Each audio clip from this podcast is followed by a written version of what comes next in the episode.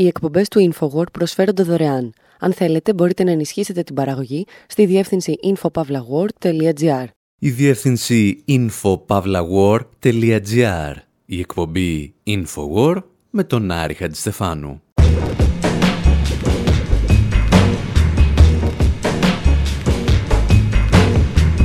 όπου σήμερα στείλουμε ένα ραδιοφωνικό Inception επιχειρώντας να καταλάβουμε όσα συμβαίνουν στο Ιράν.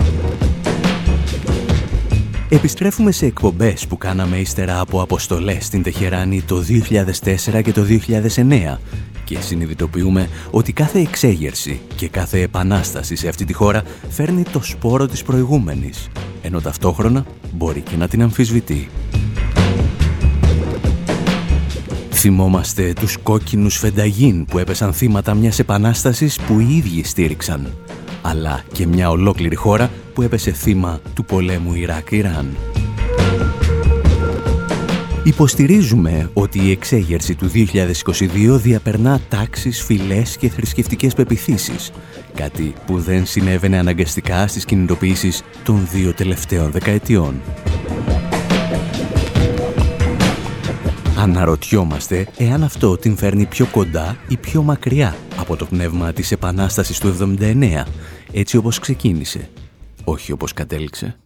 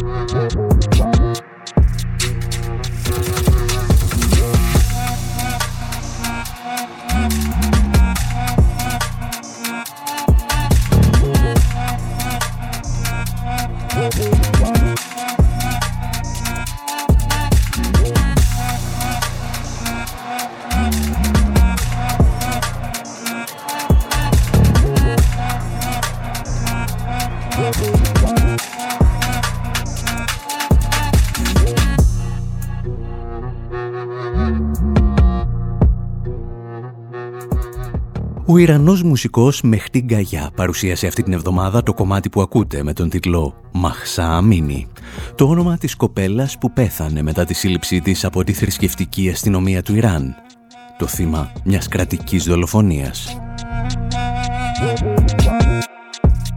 Ο Μεχτή Καγιά χρησιμοποιεί ηχητικά αποσπάσματα από τις διαδηλώσεις που σημειώνονται σε ολόκληρη τη χώρα μαζί με παραδοσιακούς και σύγχρονους ήχους, και μόνο με μια τέτοια σύνθεση του παρελθόντος με το παρόν μπορεί να περιγράψει κανείς όσα συμβαίνουν αυτές τις ημέρες στο Ιράν.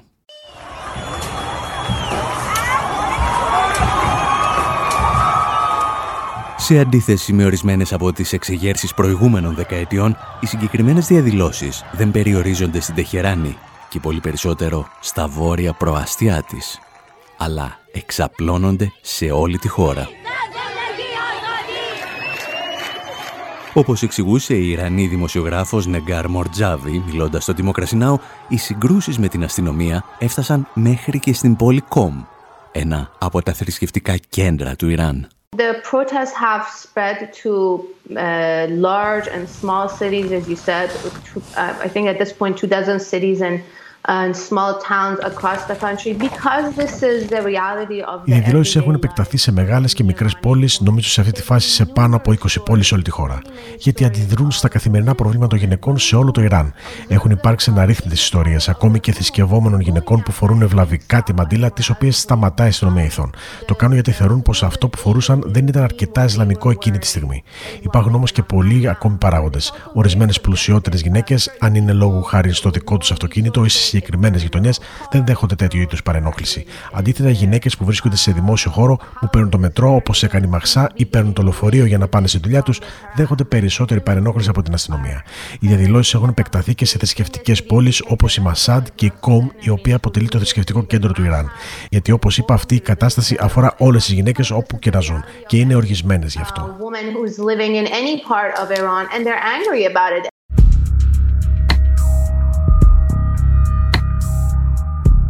Η Νεγκάρ Μορτζάβη αναγνωρίζει, όπως ακούσαμε, ορισμένα ταξικά χαρακτηριστικά στους τρόπους με τους οποίους οι αρχές αντιμετωπίζουν τις γυναίκες. Όπως εξηγεί όμως, η κατάσταση είναι πολύ πιο σύνθετη. Και αν αυτό το σκηνικό δεν ήταν αρκετά δεδαλώδες, έρχεται και το εθνικό στοιχείο. Γιατί η Μαχσά Αμίνη προερχόταν από την κουρδική μειονότητα του Ιράν, που βιώνει εδώ και δεκαετίες ιδιαίτερη καταπίεση. So Masa Amini is from, as you said, the Kurdish area in the western border of Iran. It's an area η Μαχσά Αμινή ήταν από την περιοχή των Κούρδων στα δυτικά σύνορα του Ιράν, εκεί όπου ζει η κουρδική μειονότητα. Έχει υπάρξει πολλή πίεση και καταπίεση από την κεντρική κυβέρνηση εναντίον τους. Βέβαια, το γεγονός ότι ήταν Κούρδισσα δεν ήταν αναγκαστικά ο λόγος για τον οποίο την προσήγαγαν. Η αστυνομία ηθών παρενοχλεί όλο τον ειδών της γυναίκες. Όταν όμως ξέσπασαν οι διαμαρτυρίες, οι πιέσεις που δέχτηκε η κουρδική μειονότητα και η οικογένειά της έγιναν ακόμη πιο έντονες. Η καταστολή σε αυτή την περιοχή έχει λάβει ιδιαίτερα βία χαρακτηριστικά και το κράτος προσπαθεί να καταπιέσει κάθε μορφής διαφωνία που εκφράζεται. Σε ό,τι όμως αφορά την αστυνομία ηθών, πρέπει να θυμόμαστε ότι η κοπέλα που πέθανε επισκεπτόταν την πόλη μας. Ήταν φιλοξενούμενη εδώ, στην πρωτεύουσα, και αυτός ήταν ο τρόπος που τη μεταχειρίστηκαν οι δυνάμεις ασφαλείας.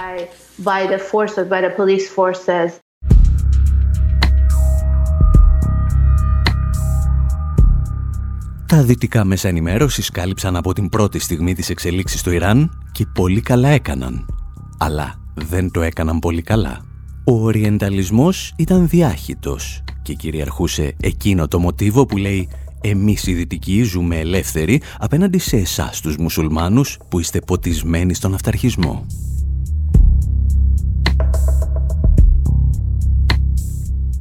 Ορισμένοι δημοσιογράφοι παρεπιπτόντος δεν φάνηκε καν να γνωρίζουν ότι οι Ιρανοί δεν είναι Άραβες.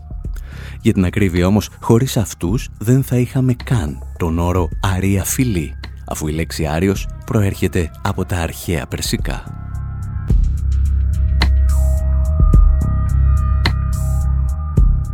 Η αλήθεια είναι ότι για να καταλάβει κανείς μια εξέγερση εναντίον του χιτζάμπ σε μια χώρα όπως το Ιράν πρέπει να πιάσει την ιστορία από τουλάχιστον έναν αιώνα πίσω.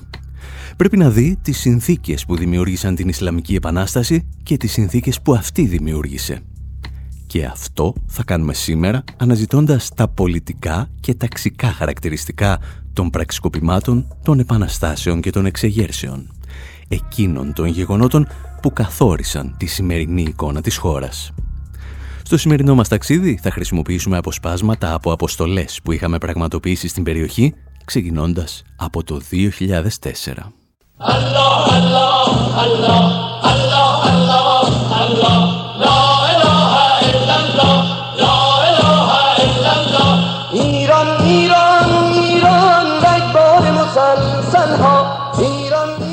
επιστρέψει στο 1908. Ένας Βρετανός γεωλόγος που επισκέπτεται την Τεχεράνη αισθάνεται μια ισχυρή δόνηση στο έδαφος και ύστερα από μερικά δευτερόλεπτα ένας μαύρος πίδακας ύψους 5 μέτρων ξεπροβάλλει μπροστά του.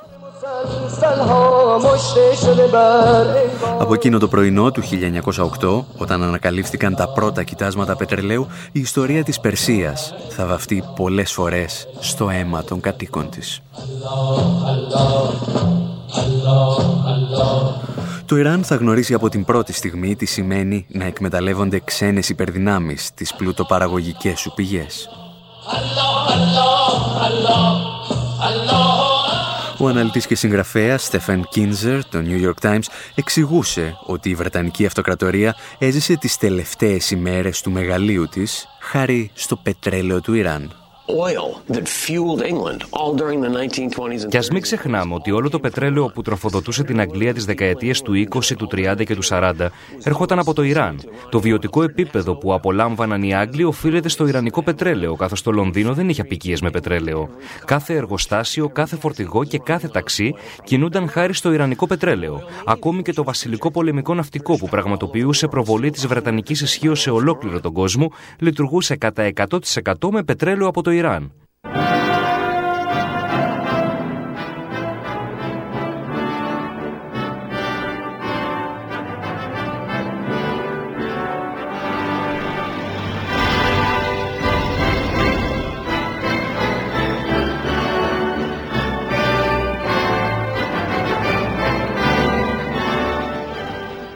Βρετανική Αυτοκρατορία ίσως να είχε κερδίσει μερικές ακόμη δεκαετίες ζωής εάν διατηρούσε υπό τον έλεγχό της το Ιρανικό πετρέλαιο.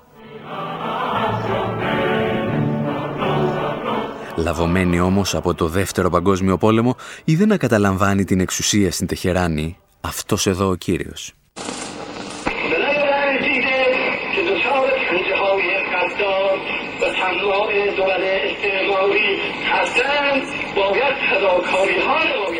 Ο Μοχάμετ Μοσαντέκ αναλαμβάνει την εξουσία και αποφασίζει να εθνικοποιήσει τα κοιτάσματα Ιρανικού πετρελαίου, επιστρέφοντας στους Ιρανούς την φυσική τους περιουσία.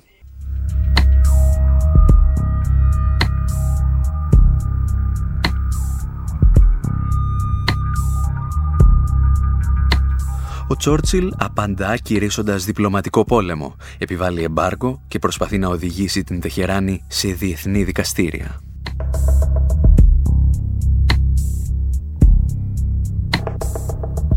Ο Βρετανός Πρωθυπουργός δεν μάχεται απλώς για τα συμφέροντα της Βρετανίας.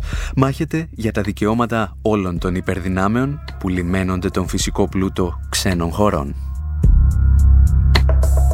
Τα εξηγούσε και πάλι ο Στέφεν Κίνζερ μιλώντας στο Democracy Now! Το σύνολο του Ιρανικού πετρελαίου ανήκε σε μια εταιρεία, τον έλεγχο της οποίας είχε η Βρετανική κυβέρνηση. Λεγόταν Anglo-Iranian Petroleum και στη συνέχεια μετονομάστηκε σε British Petroleum, δηλαδή BP. Προσωπικά πραγματοποιώ ένα ατομικό εμπάργκο στην εταιρεία. Όχι βέβαια ότι η Shell είναι ηθικά καλύτερη, απλώς κάθε φορά που περνάω έξω από ένα πρατήριο αισθάνομαι ένα χρέος απέναντι στον Μοσάντεκ.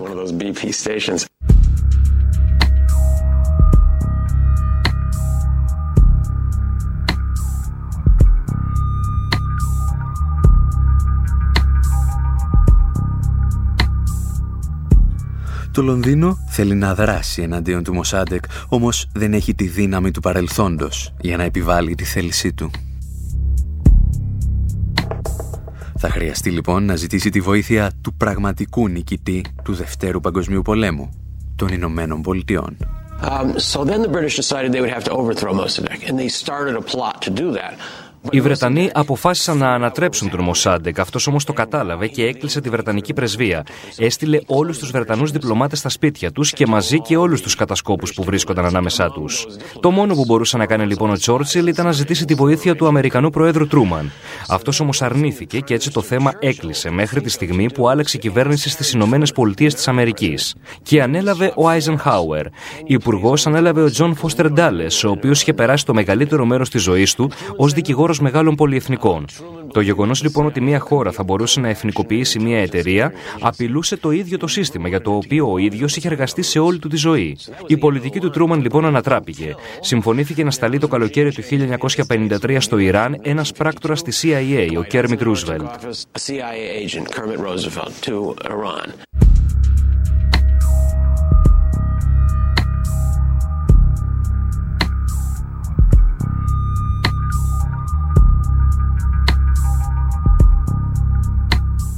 Ο Τζον Φώστερ Ντάλες θα συνεργαστεί με τον εγγονό του πρόεδρου Ρούσβελτ για να ανατρέψουν τον Μοσάντεκ και να επαναφέρουν στο θρόνο τον Σάχη Ρεζά Παχλαβή.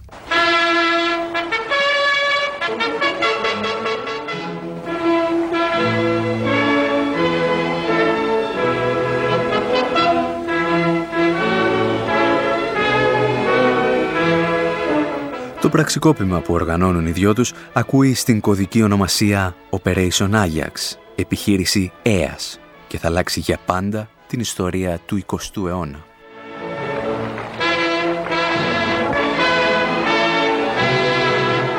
Η CIA θα χρησιμοποιήσει την εμπειρία του πραξικοπήματος για να ανατρέψει και άλλες κυβερνήσεις στη Γουατεμάλα, την Ικαράγουα, τη Χιλή, την Ελλάδα, την Τουρκία και δεκάδες ακόμη χώρες του πλανήτη. Η Δύση αποκτά ένα νέο τρόπο επιβολής της κυριαρχίας της και τον εφαρμόζει με θρησκευτική ευλάβεια μέχρι τη δεκαετία του 90, όταν η ανατροπή κυβερνήσεων περνά στα χέρια κερδοσκόπων, εκδοτών και μη κυβερνητικών οργανώσεων.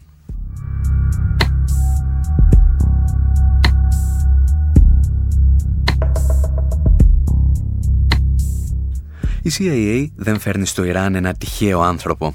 Ο οίκος των Παγλαβή είχε συνεργαστεί με τους ναζιστές, με την ίδια ευκολία που τώρα υποσχόταν να συνεργαστεί και με τις μεγαλύτερες αμερικανικές πολυεθνικές.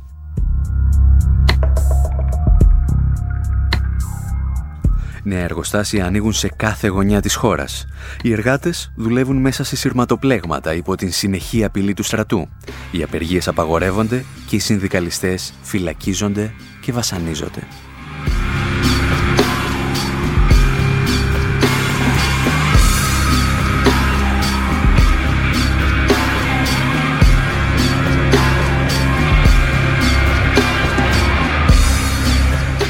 Οι αριθμοί όμως ευημερούν και το Ιράν γνωρίζει ίσως την ταχύτερη διαδικασία αστικοποίησης στη Μέση Ανατολή, αλλά με τεράστιο ανθρώπινο κόστος.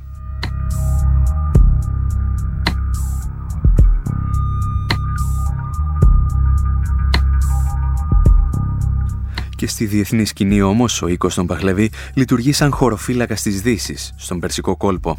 Η Τεχεράνη μετατρέπεται σε κέντρο κατασκοπίας των Ηνωμένων Πολιτειών, ενώ στρέφεται και εναντίον των αριστερών ανταρτών του Ομάν.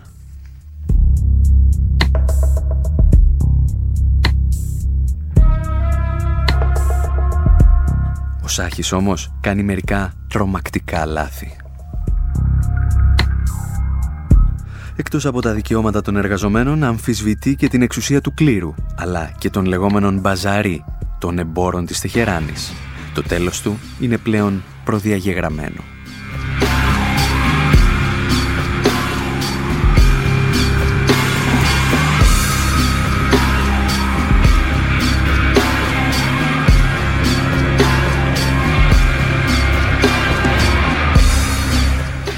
Επανάσταση μεγαλύτερη σε ποσοστό λαϊκή συμμετοχής από τη Γαλλική και την Οκτωβριανή Επανάσταση θα έρθει να ανατρέψει τις βεβαιότητες στο δεύτερο μισό του 20ου αιώνα.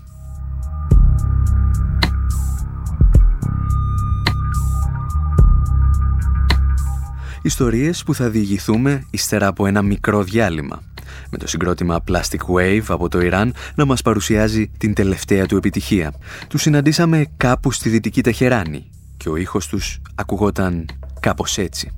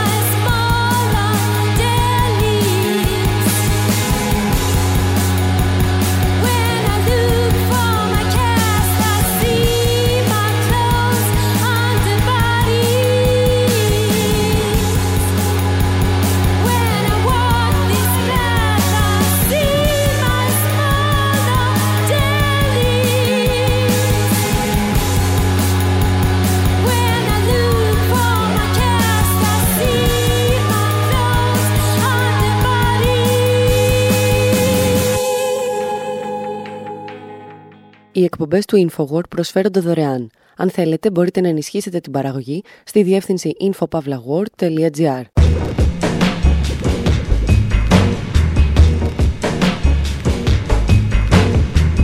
Εκπομπή InfoWord, μέρος δεύτερο.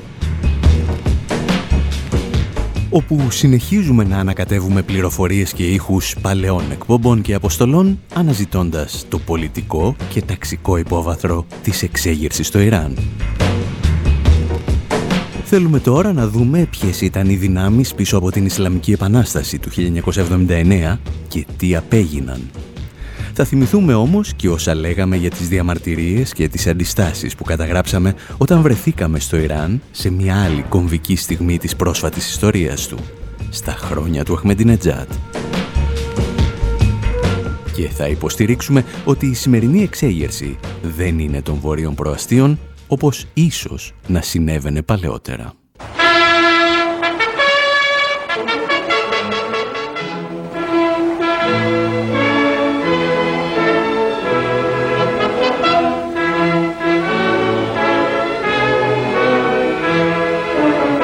Έχουμε αφήσει τη χώρα κάπου στα τέλη του 1978.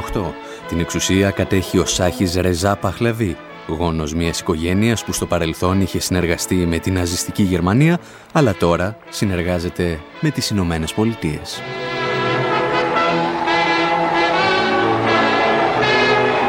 Τα θεμέλια του καθεστώτος όμως που εγκαθιδρύθηκε χάρη στο πραξικόπημα που οργάνωσε η CIA κλονίζονται από την οργή του Ιρανικού λαού. Η βασιλεία του μετρά τις τελευταίες της ημέρες. Μόνο η Ουάσιγκτον φαίνεται να ζει με την ψευδέστηση ότι ο άνθρωπος της στην Τεχεράνη θα τα καταφέρει. Τα εξηγούσε τότε ένας Αμερικανός πρόεδρος, κάποιος κύριος Τζίμι Κάρτερ.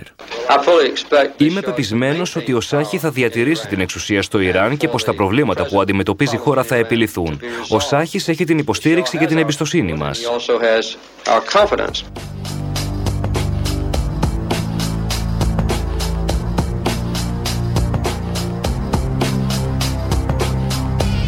Αυτό που δεν γνώριζε ο πρόεδρος Κάρτερ είναι ότι η πτώση της δυναστείας των Παχλαβή θα συμπαρέσει στην Άβυσσο και τη δική του προεδρία.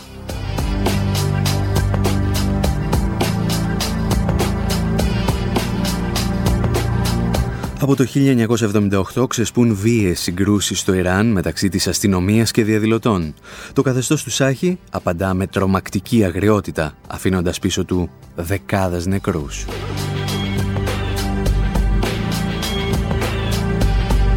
Η οργή ξεχυλίζει μέχρι τη στιγμή που ο Σάχης αναγκάζεται να εγκαταλείψει τη χώρα και να αρχίζει να περιφέρεται σαν πρόσφυγας σε ολόκληρο τον πλανήτη.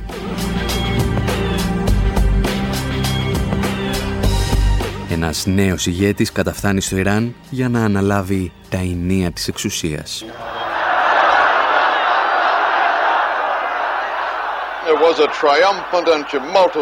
Τουλάχιστον ένα εκατομμύριο Ιρανοί επεφύλαξαν θριαμβευτική υποδοχή σήμερα στην Τεχεράνη, στον Αγιατολά Χομεϊνή, ο οποίος επιστρέφει στην πατρίδα του ύστερα από 15 χρόνια εξορίας. Ζήτησε την άμεση παρέτηση της κυβέρνησης, αλλά και την απομάκρυνση όλων των ξένων και κυρίως των Αμερικανών.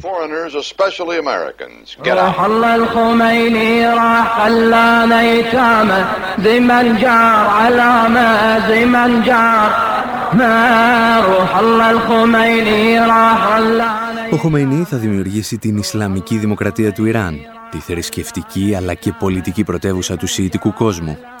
Τα κεφάλια των γυναικών καλύπτονται με τη μουσουλμανική μαντήλα και νέοι κανόνες ρυθμίζουν τη ζωή των πιστών αλλά και των λιγότερο πιστών. Μαζί τους νέοι ύμνοι της Επανάστασης έρχονται να αντικαταστήσουν τα εμβατήρια του Σάχη.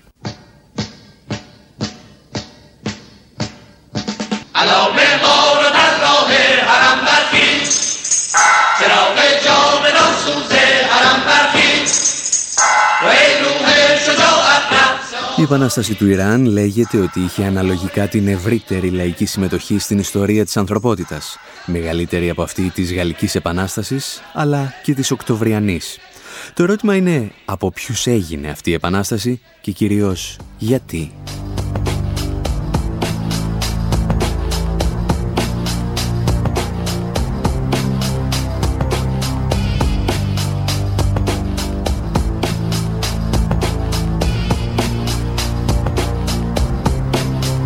Ο κλήρος και οι λεγόμενοι μπαζαροί, τα μεσαία στρώματα των εμπόρων, αποτέλεσαν αναμφίβολα την καρδιά της Επανάστασης. Ο δυτικός, αστικός εξυγχρονισμός που προωθούσε ο Σάχης έπλητε άμεσα τα συμφέροντα των δύο αυτών ομάδων και έτσι ένωσαν τη δύναμή τους για να τον ανατρέψουν.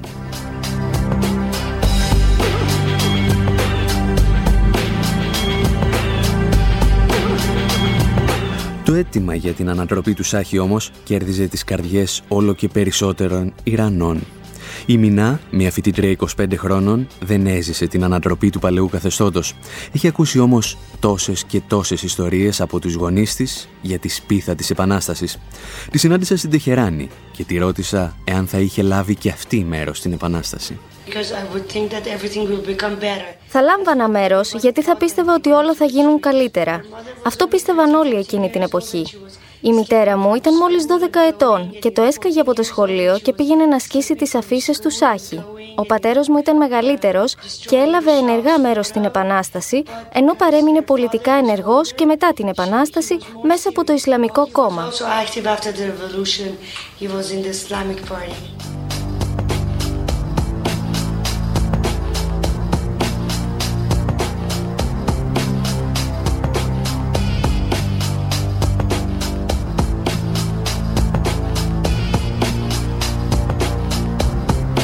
Όπως συμβαίνει όμως πολύ συχνά, αυτοί που θα ωφεληθούν πραγματικά από την Επανάσταση δεν είναι αναγκαστικά αυτοί που κίνησαν τα γρανάζια της ιστορίας. Ο κλήρος και οι μπαζαροί έπρεπε να χρησιμοποιήσουν τη δύναμη άλλων τάξεων για να ανατρέψουν το Σάχη.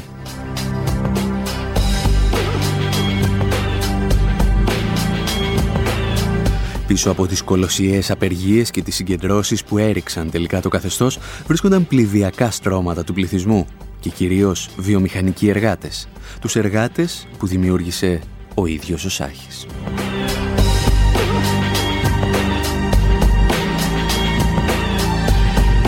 Οι απεργίες ήταν αυθόρμητες αφού δεν υπήρχε κανένα συνδικαλιστικό όργανο να τις συντονίσει.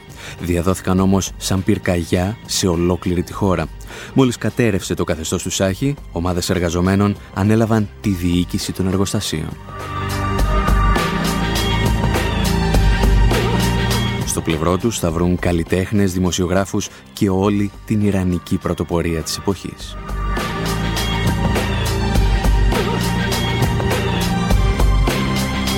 Η Σολμάζ, επίσης φοιτήτρια από την Τεχεράνη, θυμάται ιστορίες από τους δικούς της συγγενείς που συμμετείχαν σε αριστερές και κομμουνιστικές οργανώσεις της εποχής. Τη ρώτησα και αυτή αν θα έβλεπε τον εαυτό της να λαμβάνει μέρος στην Επανάσταση του 1979. Ξέρω ότι πολλοί άνθρωποι συμμετείχαν στην Επανάσταση με αγνά ιδανικά ήθελαν να βελτιώσουν όχι μόνο τις δικές τους συνθήκες ζωής, αλλά και τις συνθήκες των φτωχότερων στρωμάτων της κοινωνίας. Νομίζω λοιπόν ότι η απάντηση είναι ναι. Um, because of that, I think yes. Μετά την αναρρίχηση του Χομεϊνή στην εξουσία όμως, οι ισορροπίες αλλάζουν.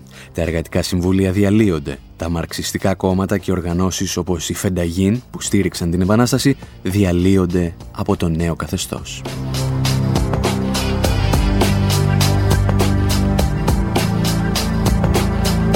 Παρ' όλα αυτά, στα πρώτα χρόνια του Χομεϊνή το νέο καθεστώς παραμένει πολυσυλλεκτικό, παρά τα βαθιά συντηρητικά και θρησκευτικά χαρακτηριστικά του.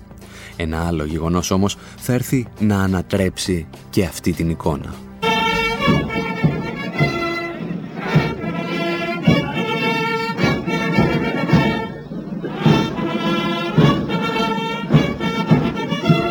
Ο στρατός πρέπει να έρθει στο προσκήνιο για να πολεμήσει το Ιράκ, καθώς η Ιρανική Επανάσταση έχει ανατρέψει τις ισορροπίες σε ολόκληρη τη Μέση Ανατολή. Η Ουάσιγκτον έχει χάσει τον πολυτιμότερο σύμμαχό της και έχει αποκτήσει έναν ορκισμένο εχθρό. Και σκέφτεται μόνο έναν τρόπο για να αντιδράσει, να βυθίσει την περιοχή στο αίμα.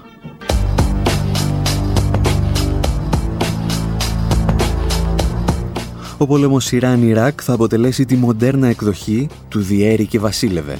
Η Τεχεράνη αναγκάζεται να στείλει τα παιδιά της στην πρώτη γραμμή του μετόπου.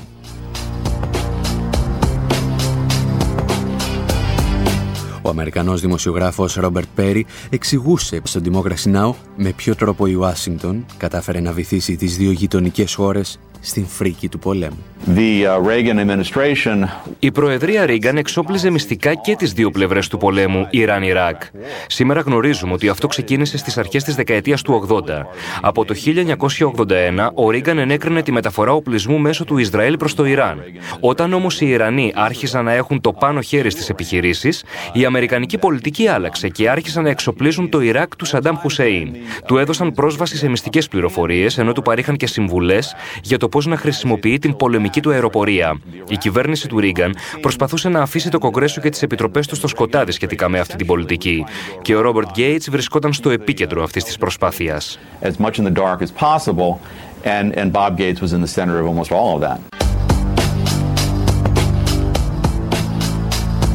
Ο Ρόμπερτ Γκέιτς είναι ο μόνος άνθρωπος, αν θυμάστε, τον οποίο ο Μπάρακ Ομπάμα διατήρησε στη θέση του, την οποία του είχε δώσει ο Τζορτζ Μπούς.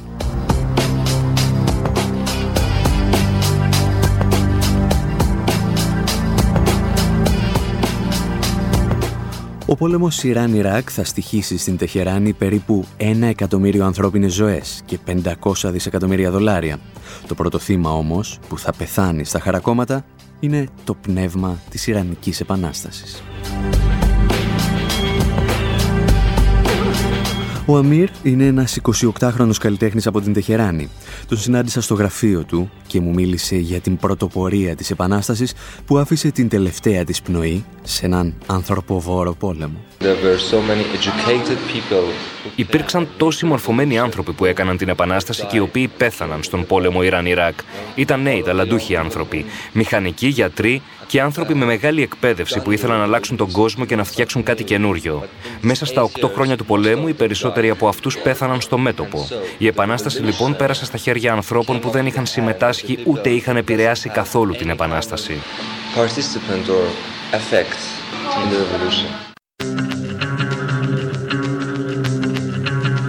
Το 2009 η εκπομπή θα ταξιδέψει στην Τεχεράνη με αφορμή τη συμπλήρωση 30 χρόνων από την Επανάσταση για να γνωρίσει τα παιδιά αυτής της Επανάστασης. Ανθρώπους που γεννήθηκαν μετά το 1979 και άκουγαν τις ιστορίες για τον Σάχη αλλά και για τα πρώτα χρόνια του Χωμένη μόνο από τους γονείς τους. Και αυτή ήταν η ανταπόκριση που στείλαμε τότε.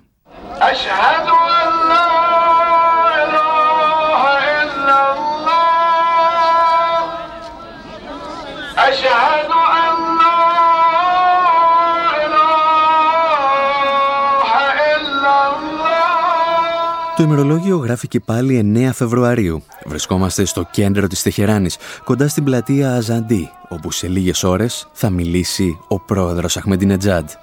Κάποιοι προσεύχονται, όπως ήθιστε να γίνεται εδώ και 30 χρόνια αυτή την ημέρα.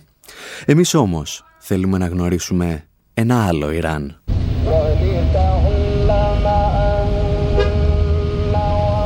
Με ένα ταξί κινούμαστε προς τη Βόρεια Τεχεράνη, το προπύργιο της οικονομικής ελίτ της χώρας. Είμαστε καλεσμένοι σε ένα από τα περίφημα απαγορευμένα πάρτι της πόλης. Εδώ, όπου οι ήχοι ακούγονται ελαφρώς διαφορετικοί.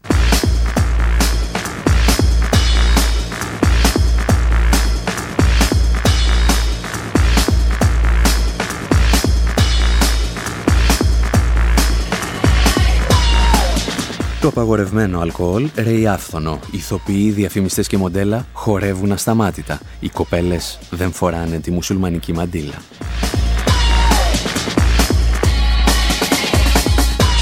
Πολύ συχνά, αρκεί μια έφοδος της αστυνομίας και αρκετοί από τους θαμώνες αυτών των πάρτι καταλήγουν για μερικές ώρες ή και ημέρες στη φυλακή.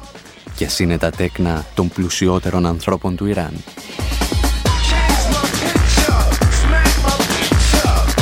Κανένα από αυτά τα παιδιά δεν έχει παρακολουθήσει ποτέ τους εορτασμούς για την Επανάσταση. Οι γονείς τους ίσως να είχαν λάβει μέρος σε αυτή.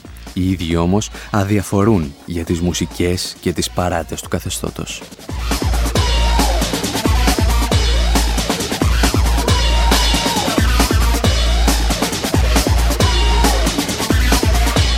Λίγες μέρες αργότερα θα επισκεφθούμε και ένα από τα ελάχιστα ροκ συγκροτήματα της Τεχεράνης. Ακούν στο όνομα Plastic Wave. δηλώνουν ότι έχουν επιρροές από συγκροτήματα όπως η Radiohead και ο δικός τους ήχος βγαίνει κάπως έτσι.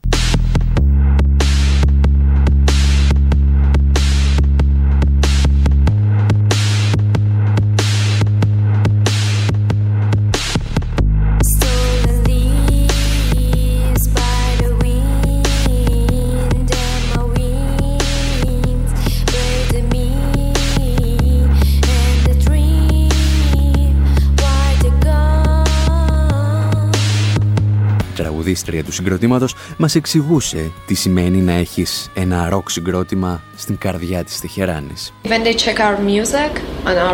Όταν ακούν τη μουσική μας στο ίντερνετ, δεν πιστεύουν ότι μπορεί να είμαστε από την Τεχεράνη. Περιμένουν κάτι εντελώς διαφορετικό. Μόλις ηχογραφήσαμε τα τέσσερα πρώτα κομμάτια, τα στείλαμε σε ένα φεστιβάλ στο Τέξας και ύστερα από μερικές εβδομάδες μας έστειλαν μια πρόσκληση. Το φεστιβάλ είναι στις 18 Μαρτίου. Τώρα πρέπει να πάμε στο Ντουμπάι να πάρουμε βίζα. We are going to Dubai next week to get a visa.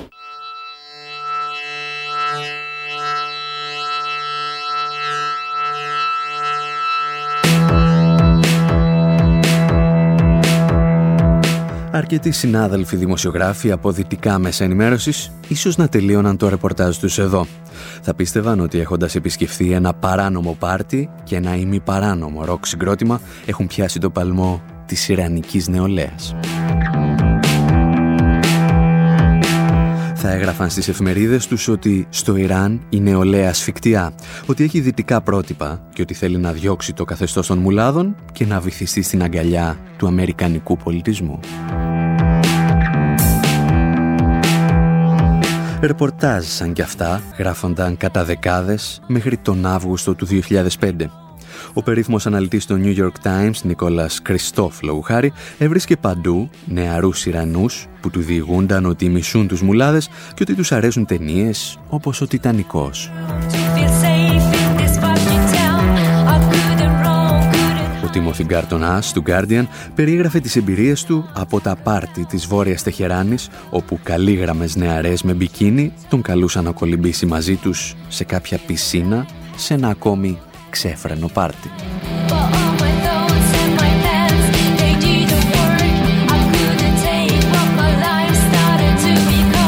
Και ύστερα συνέβη κάτι αναπάντεχο, γιατί ήρθε στο προσκήνιο αυτός εδώ ο κύριος.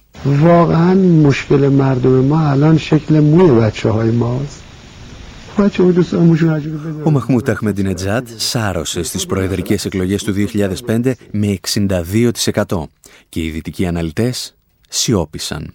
Επισκεπτόμενοι μόνο τη Βόρεια Τυχεράνη είχαν χάσει τον πραγματικό παλμό της Ιρανικής κοινωνίας. Δεν είχαν καταλάβει τίποτα από ό,τι συνέβαινε γύρω τους.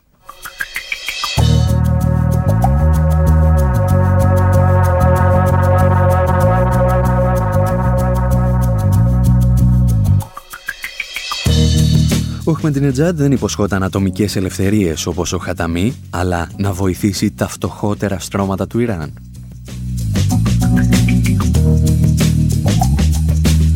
Μετά την Ιρανική Επανάσταση, το θρησκευτικό κατεστημένο είχε δημιουργήσει ένα δικό του κοινωνικό συμβόλαιο με τα φτωχότερα στρώματα. Μπορεί να τους στερούσε τις προσωπικές ελευθερίες, αλλά τους παρήχε ένα κατώτατο επίπεδο διαβίωσης.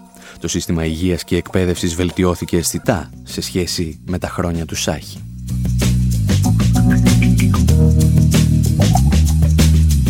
Ο πρόεδρος Χαταμή από την πλευρά του υποσχέθηκε περισσότερες ελευθερίες, αλλά και ένα νεοφιλελεύθερο οικονομικό πρόγραμμα. Απείλησε δηλαδή το κοινωνικό συμβόλαιο. Τελικά απέτυχε να προσφέρει και τις ελευθερίες που υποσχέθηκε, ενώ επί προεδρίας του οι φτωχότεροι των φτωχών είδαν τα εισοδήματά τους να συρρυκνώνονται.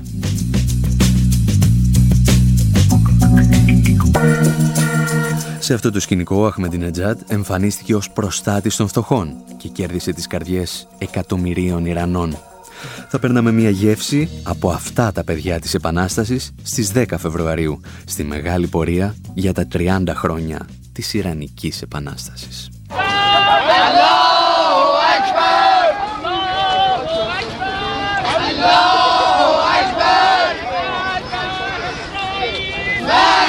Εδώ οι κοπέλες δεν φορούν απλώς τη μουσουλμανική μαντήλα, είναι καλυμμένες ολόκληρες με το μαύρο χετζάμπ. Τα αγόρια δεν έχουν πάει ποτέ σε πάρτι. Φωνάζουν απλώς συνθήματα εναντίον των Ηνωμένων Πολιτειών και του Ισραήλ. Και αν τους ρωτήσεις, δηλώνουν ευχαριστημένοι από τη διακυβέρνηση Αχμεντινετζάτ.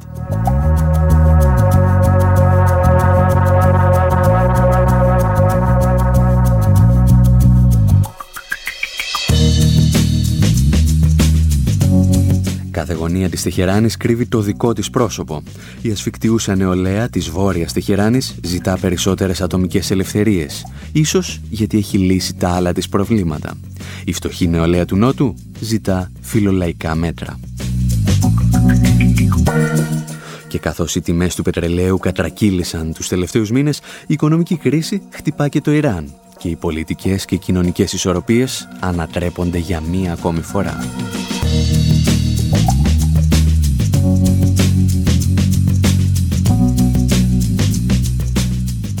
Αυτές ήταν οι ιστορίες που διηγούμασταν το 2009 όταν η χώρα συγκλονιζόταν και πάλι από δυναμικές κινητοποιήσεις οι οποίες όμως περιορίζονταν σε συγκεκριμένες τάξεις και σε συγκεκριμένες γειτονιές της Τεχεράνης.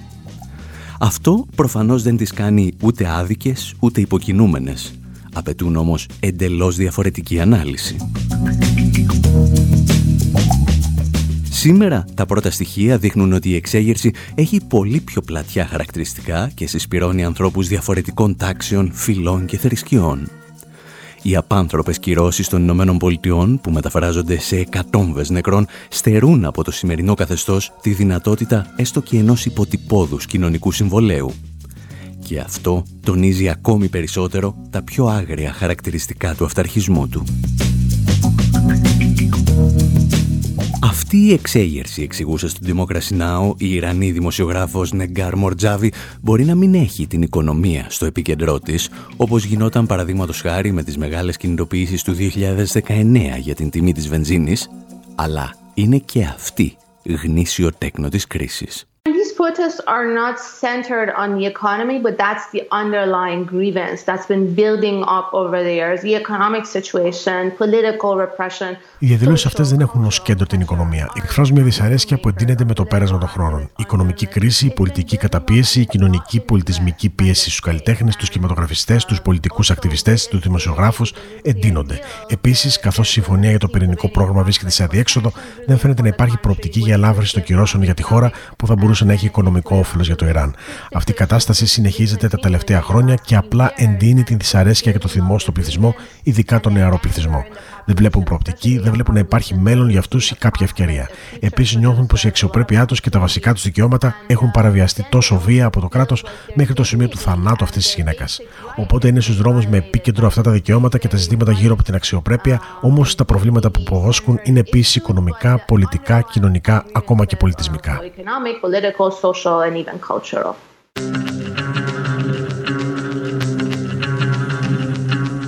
Κάπου εδώ όμως εμείς λέμε να σας αφήσουμε και για αυτή την εβδομάδα. Θα βρείτε αρκετές ακόμη ιστορίες για τις εξελίξεις στο Ιράν, αλλά και σκέψεις για το χιτζάμπ στη σελίδα μας info.pavlawar.gr Μέχρι την επόμενη εβδομάδα, από τον Άρη Χατζηστεφάνου στο μικρόφωνο, τον Ανδρέα Κοσιάρη σε μεταφράσεις και τον Δημήτρη Σταθόπουλο στην τεχνική επιμέλεια, γεια σας και χαρά σας.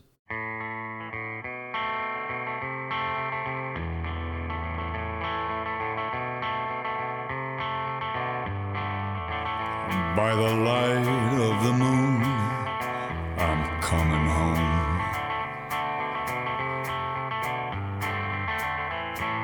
Howling all the way, I'm coming home.